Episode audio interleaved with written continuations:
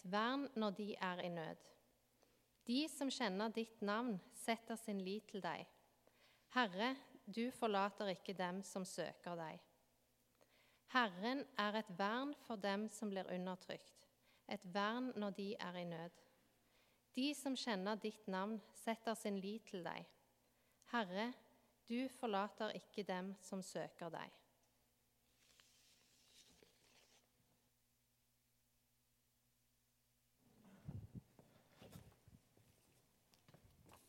Vi ser på livet til David for tiden.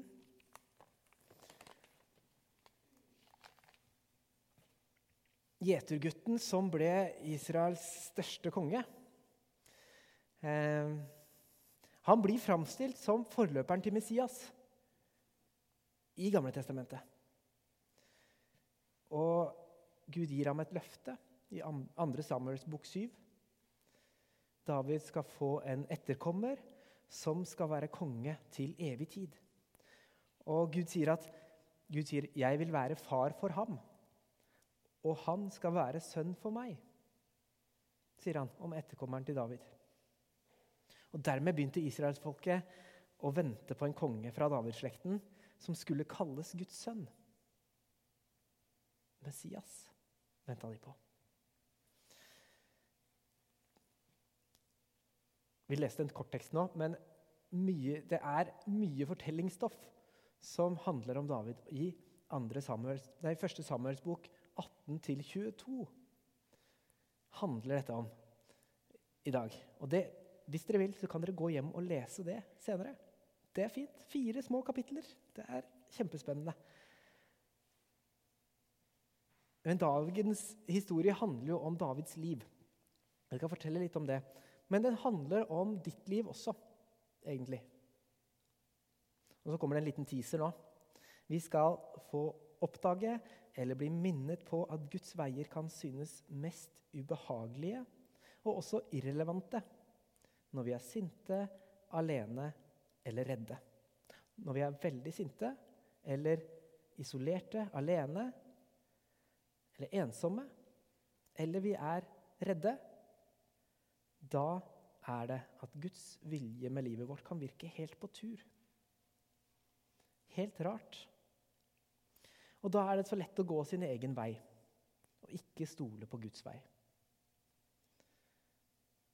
Du skal være veldig sterk til å stå imot fristelsen til å gå din egen vei når en av disse tre betingelsene er til stede.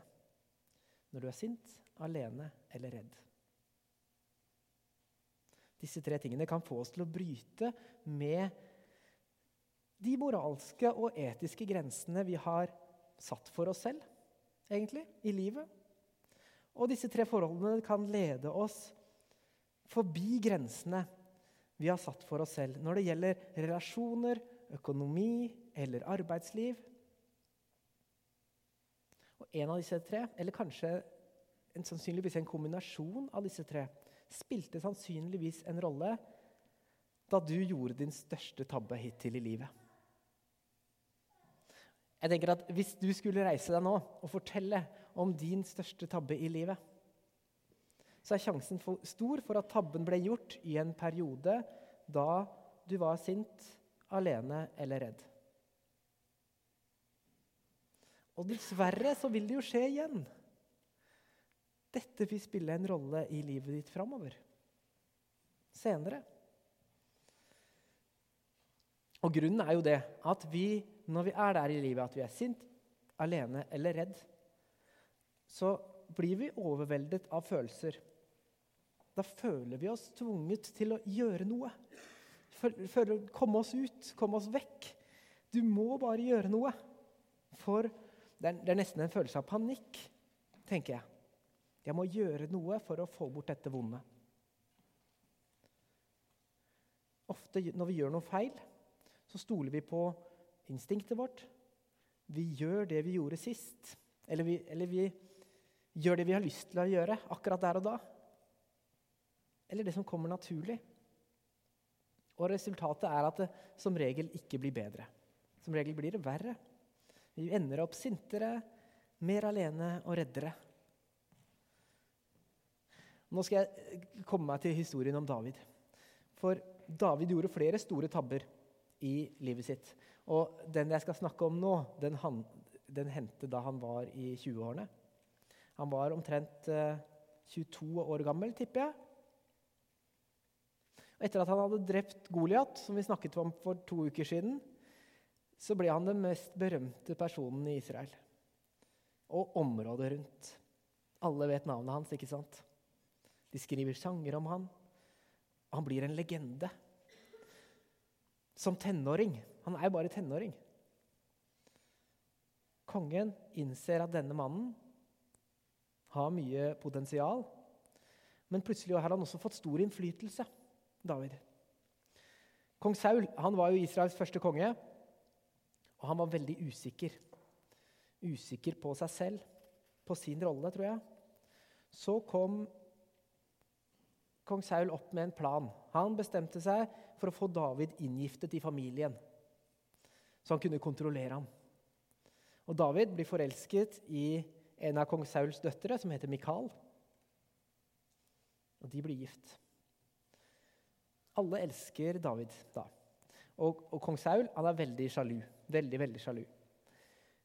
I, i omtrent syv år er, er, David i kong Sauls tjeneste. Etter at han, etter at han slo Goliat, så er han i kong Sauls tjeneste i sju år. Og Kong Saul sender David på umulige oppdrag i, i krigen. I krigen mot filisterne og andre. Og David kommer tilbake levende hver gang. Og som seierherre. Og han blir bare enda mer populær. Folk elsker han enda mer. Helt til kong Saul endelig har fått nok. Han prøver å få David arrestert i hemmelighet om natta. Men hans egen datter Mikael og e, den egne sønnen hans, Jonathan, hjelper David til å unnslippe faren, faren deres, ut gjennom vinduet. Og Dette vet ikke Saul enda at de har hjulpet han. Men det renner over for han ved middagsbordet en gang. Saul. Og middag med kongen, det var en stor greie. Det var en stor greie, Sånn som du fortsatt er, for så vidt. En stor greie. Det å sitte og spise ved kongens bord er en stor ære, og var det. Og David han kom vanligvis til disse middagene. Men etter at Saul hadde sendt vakter til han om natta, prøvde å arrestere han om natta hjemme hos seg, så dukket ikke David opp til middag. Og Saul spurte Jonathan hvorfor er ikke David kommet. Og Jonathan han kom med en unnskyldning for David, som de hadde avtalt. Han, nei, han måtte på slektstreff i Betlehem. Han måtte faktisk på slektstreff, for det var der familien var fra. Fra Betlehem. Så, og da, Det som skjer da, er at Saul klikker helt på Jonathan. Han, sier jo faktisk Han sier 'du sønn av en dårlig og gjenstridig kvinne'. Og det er, det er jo familiemiddag. Det så det jeg vet ikke helt om det var så lurt. Det var litt problemer i ekteskapet, tror jeg det er. Det er noe med at uh, Hun sitter sikkert der. ja. Men uh, sånn er det hvis man har flere koner, sikkert. Uh, men han sier også, også videre at 'send bud og hent David til meg, for han skal dø'. Saul var så redd nei, var redd for at det ville bli David som skulle overta som konge, istedenfor Jonathan. Jonathan går, og han finner David. Og han sier, 'David, du må, du må gå ut av byen. Du må dra. Du må komme deg unna. Du må forlate landet, til og med. For faren min vil ikke hvile før du er arrestert og dør.' Og David da er 22 år, og plutselig er han redd for livet sitt. Han er alene, han blir avvist av mannen som han har risikert karrieren for og livet for igjen og igjen. Han føler seg lurt, og i dette tilfellet så har han ikke gjort noe galt heller. Så han er forlatt, han er sint, og han er redd. Og da gjorde han som mange gjør, mange av oss gjør når vi blir forlatt, sinte og redde. Han fikk panikk. Han rømmer. Teksten forteller at David gikk til Nob, til presten Ahimelek. Og prestene de hadde en helligdom i Nob. Et, et munkekloster, nesten, kan du si. Kan vi sikkert sammenligne det med i dag. Et sted like øst for Jerusalem. Og Ahimelek var nok sjefen der på den tiden. Ahimelek han kommer skjelvende i møte med David. Og så spør han, 'Hvorfor er du alene?' Til vanlig så reiste jo David med en hær av krigere. Og da lyver David. Han lyver fordi han er redd. Det er det du gjør når du er sint og alene og redd. David han forteller at han er sendt ut på hemmelig oppdrag. At mennene hans venter på ham et annet sted. Og Det er bare en oppdiktet historie, så klart, men han prøver å dekke seg selv. Han hadde ingen menn, og han er redd for at hvis han forteller sannheten, vil ikke Ahimelek hjelpe ham. Og den løgnen den skulle koste Ahimelek og hele familien hans livet. Faktisk. David bestemte seg for å ta saken i egne hender, egentlig. Ikke stole på noen mens han rømte. Ikke på noe menneske, og ikke på Gud. Han hadde glemt eller mistet tilliten til at Gud var med ham.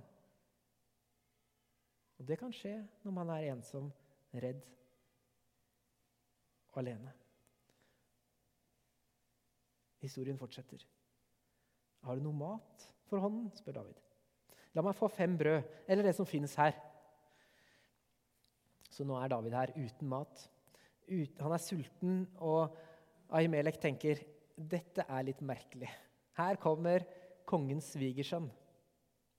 Og han er kongens livvakt. Altså, han er sjefen for kongens livvakt. Kommer her alene og sulten. Men presten svarte David. Vanlig brød har jeg ikke, men, kun, men hellig brød kan du få. Hellig brød har vi. Dette var brød som, som prestene skulle, bare prestene skulle spise. Og David spiser og spør om han har noe våpen. Jeg fikk, ver fikk verken sverdet eller de andre våpnene med meg, sier han. For det hadde slik hast med kongens ærend. Husker du teksten for to uker siden? Salme 25. Herre, jeg løfter min sjel til deg. Min Gud, til deg setter jeg min lit. Til deg setter jeg alltid mitt håp. Sånn var den. Hva skjedde med den David, som stolte på Gud? Her lyver David for å skaffe seg mat og våpen til noen prester eller munker i kloster. Men det mest ironiske tror jeg kommer nå. For Ahimelek han har jo ikke noe våpen. De er prester. Eh, han har bare noe som har hengt på veggen som pynt i syv år. Presten svarte, 'Jo, her har jeg noe. Det er sverdet til filisteren Goliat, som du slo i hjel i Eladalen. Det henger her. Vil du ha det, så ta det.' 'Det finnes ikke maken til det', sa David. 'Det er fint sverd. La meg få det.' Så Goliats sverd var blitt tatt vare på og hengt opp som en museumsgjenstand i helligdommen i Nob. Dedikert til Gud av David som for å si, 'Herre, du vant over Goliat, ikke jeg.' David hadde gitt det til Gud, sverdet, i takknemlighet og som et symbol på at æren tilhørte Gud. Og her kommer han da og henter det ned igjen. Tar tilbake gaven, kan du si. Han som tidligere stolte på Gud og ikke på våpen, står nå med Goliats sverd i hendene og setter sin lit til at det skal redde ham fra det som venter. Hva skjedde med den gjetergutten som møtte fare i Guds navn, og som skrev om jeg enn skulle vandre i dødsskyggens dal, frykter jeg ikke noe ondt, for du er med meg. Din kjepp og din stav, de trøster meg. Hvor er den gutten? Hvor er den troen? Og hvor er tilliten til Gud? Svaret er at, at sinne, frykt og ensomhet kom i veien Og dette var Davids største kamp. Ikke kampen mot Goliat, egentlig, men kampen, en kamp inni i ham selv. Så David tok avgjørelser han ville angre på resten av livet. Og han satte sin lit til et sverd som, som sist ble brukt av en kriger som tapte mot en 15 år gammel gutt. For et sverd. Ja, jeg vet ikke. Et ubebrukelig våpen. Et galt valg. Og med et katastrofalt resultat. Men det er jo her våre historier egentlig knyttes sammen med, Davids historie. Så når vi trenger Guds, Gud mest, så er vi ofte minst tilbøyelige til å se i hans retning. Når vi trenger Gud, så er vi ofte mest fristet til å løpe bort istedenfor å løpe imot. Vi velger ting som aldri har virket før, og som vi ofte angrer på. Ofte er det lett å se det hos andre. At de gjør rare ting som ikke funker. Altså, du har kanskje venner som gjør dumme valg basert på sinne, frykt eller ensomhet. Du ser det hos dem, og så tenker du det er et dumt valg. Ikke gjør det. Ikke gjør det. Det blir bare mer komplisert av å gjøre sånt. Det vil ikke jeg ha gjort. Det er lett å se det i andre menneskers valg. Det er nesten umulig å se det i speilet. For vi tenker på en måte at vår situasjon er annerledes. Du har jo overbevist deg om at din situasjon er annerledes. Og Det var jo det, det David gjorde også. Det er, det er ganske enkelt og lett å stole på Gud når vi ikke har noe å tape. Det vet jo alle som, som har vært unge. Yngre enn vi er nå. Det er lett når man er ung og idealistisk og ikke har eh, mye å tape, men ikke har mye ansvar. Da er det lett å si, 'Gud, jeg vil gå den veien du leder meg.' 'Jeg vil gjøre det du vil at jeg skal gjøre.' 'Jeg overgir hele livet mitt til deg.' Og når ting går bra, hvor vanskelig er det da egentlig å lovsynge og overgi seg? Når ting går bra, hvor vanskelig er det å be bønner, å stole på Gud og be for vennene dine som går gjennom vanskelige tider, kanskje? Det er lett å stole på Gud når vi ikke har noe å tape. Men det er vanskeligere å stole på ham når de tingene vi verdsetter, begynner å gli bort. David han tar jo Goliats sverd. Han tar saken i egne hender, og han vet at han må bort fra Saul. Så han drar. Han drar vestover. Og det er til filisterne. Til kongen i Gat. God idé. God idé. Til Gat med Goliats sverd. Husker dere hvem som også var fra Gat? Jo, det var Goliat. Eh, som David drepte for syv år siden. Så David ble møtt med Hei, du der. Du er David. Ikke sant? Du, alle vet hvem du er. Og du drepte Goliat, du. Du drepte Goliat. Og du bare bærer jo sverdet hans til og med. Du bærer sverdet til Goliat til og med, så kommer du hit. Da ble David virkelig redd. Jeg vet ikke hva han tenkte når han dro til Gat. Men han ble virkelig redd nå, for nå var han oppgitt av fiender. Så hva gjør han nå? Jo, løsningen på alt. I dette tilfellet, i hvert fall. Å late som han er gal. Bokstavelig talt, han risser merker på dørkarmene og sikler i skjegget, står det. Gikk all in på det. Og det funka. Kongen i Gat sier ok, ok, jeg har nok av galinger her som det er. Trenger ikke en til. Få denne fyren vekk herfra.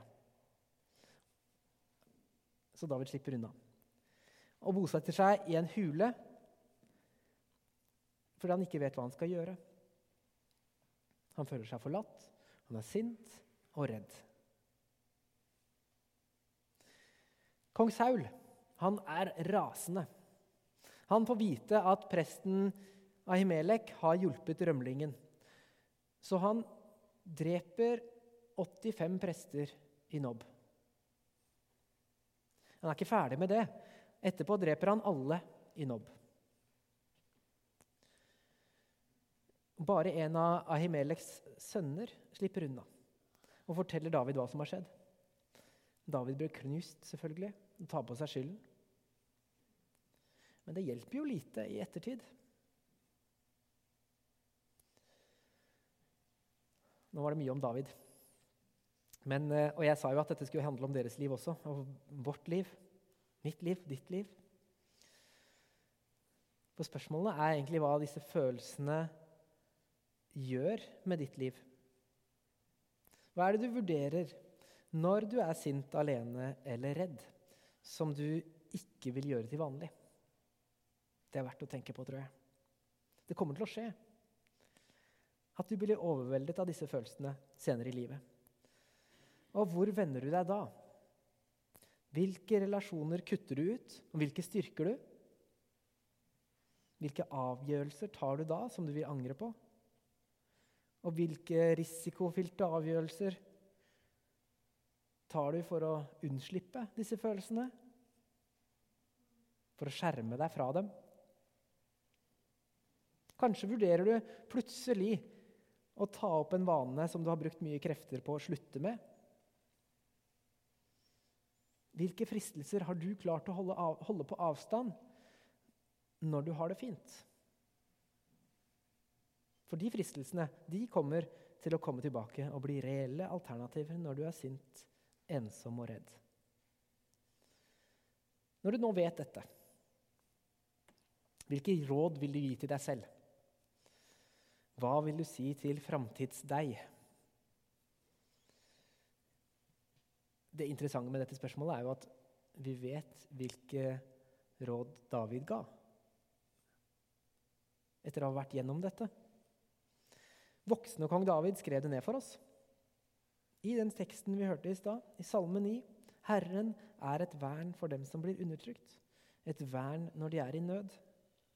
Herren er et vern en beskyttelse, skriver han. Og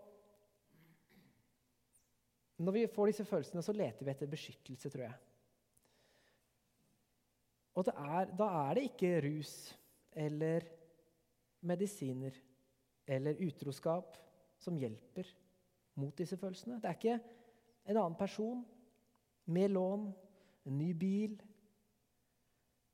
nytt hus det hjelper ikke.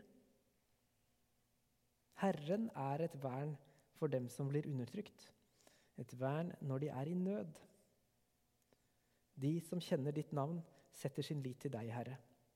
Du forlater ikke dem som søker deg. David ville fortalt oss. Jeg tok min tilflukt i min evne til å kontrollere omgivelsene mine å kontrollere utfallet av det jeg gjorde. Jeg skulle jo bare slippe unna. Men resultatet ble en katastrofe. De som kjenner ditt navn, setter sin lit til deg, Herre. Du forlater ikke dem som søker deg. Og David ville sagt, 'Jeg trodde jeg var forlatt'. Jeg trodde Gud hadde forlatt meg, at jeg var overlatt til min egen evne til å ta avgjørelser. Jeg trodde jo faktisk ikke at jeg ville bli utsatt for sånne prøvelser hvis Gud var med meg. Så det at jeg ble utsatt for sånne prøvelser, var jo bevis på at Gud ikke er med lenger. Men jeg tok feil, ville David sagt. Jeg følte meg forlatt, men nå når jeg ser tilbake på det, skjønte jeg at jeg aldri var forlatt. Gud var med meg. Og David ville sagt, 'Ikke gjør den samme feilen som meg'.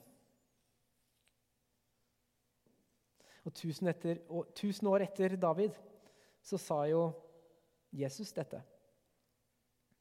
Kom til meg, alle dere som strever og bærer tunge byrder, og jeg vil gi dere hvile. Når du føler deg forlatt, da tar du feil. Det er det Jesus sier til oss. Ikke røm, men prøv å lytte.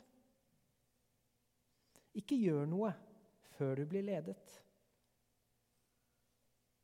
Vent og ikke få panikk. Gud er med deg.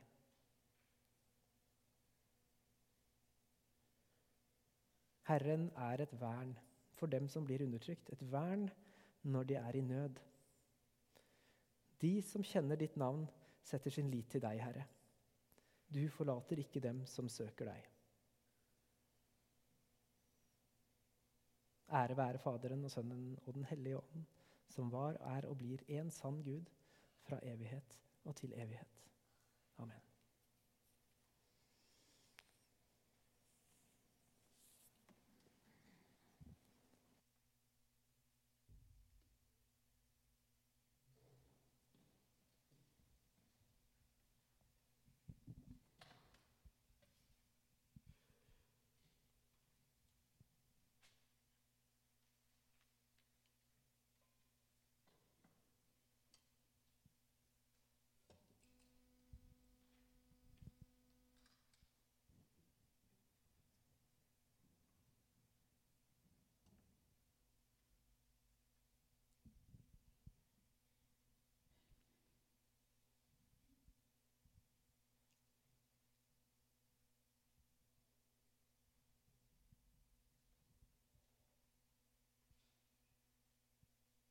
Música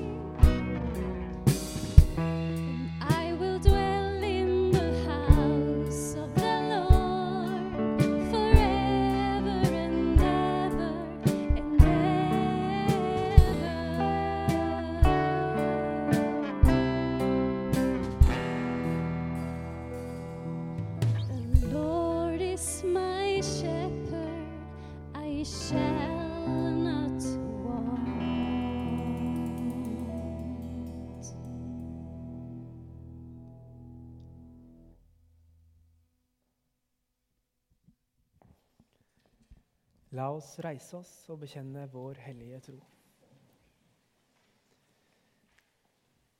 Jeg tror på Gud Fader, den allmektige himmelens og jordens skaper. Jeg tror på Jesus Kristus, Guds enbårne Sønn, vår Herre, som ble unnfanget ved Den hellige ånd, født av jomfru Maria, pint under Pontius Pilatus, korsfestet, død og begravet, for ned til dødsriket sto opp fra de døde tredje dag, for opp til himmelen, sitter ved Guds den allmektige Faders høyre hånd, skal derfra komme igjen for å dømme levende og døde.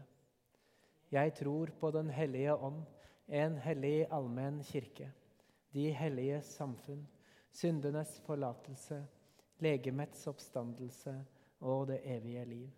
Amen.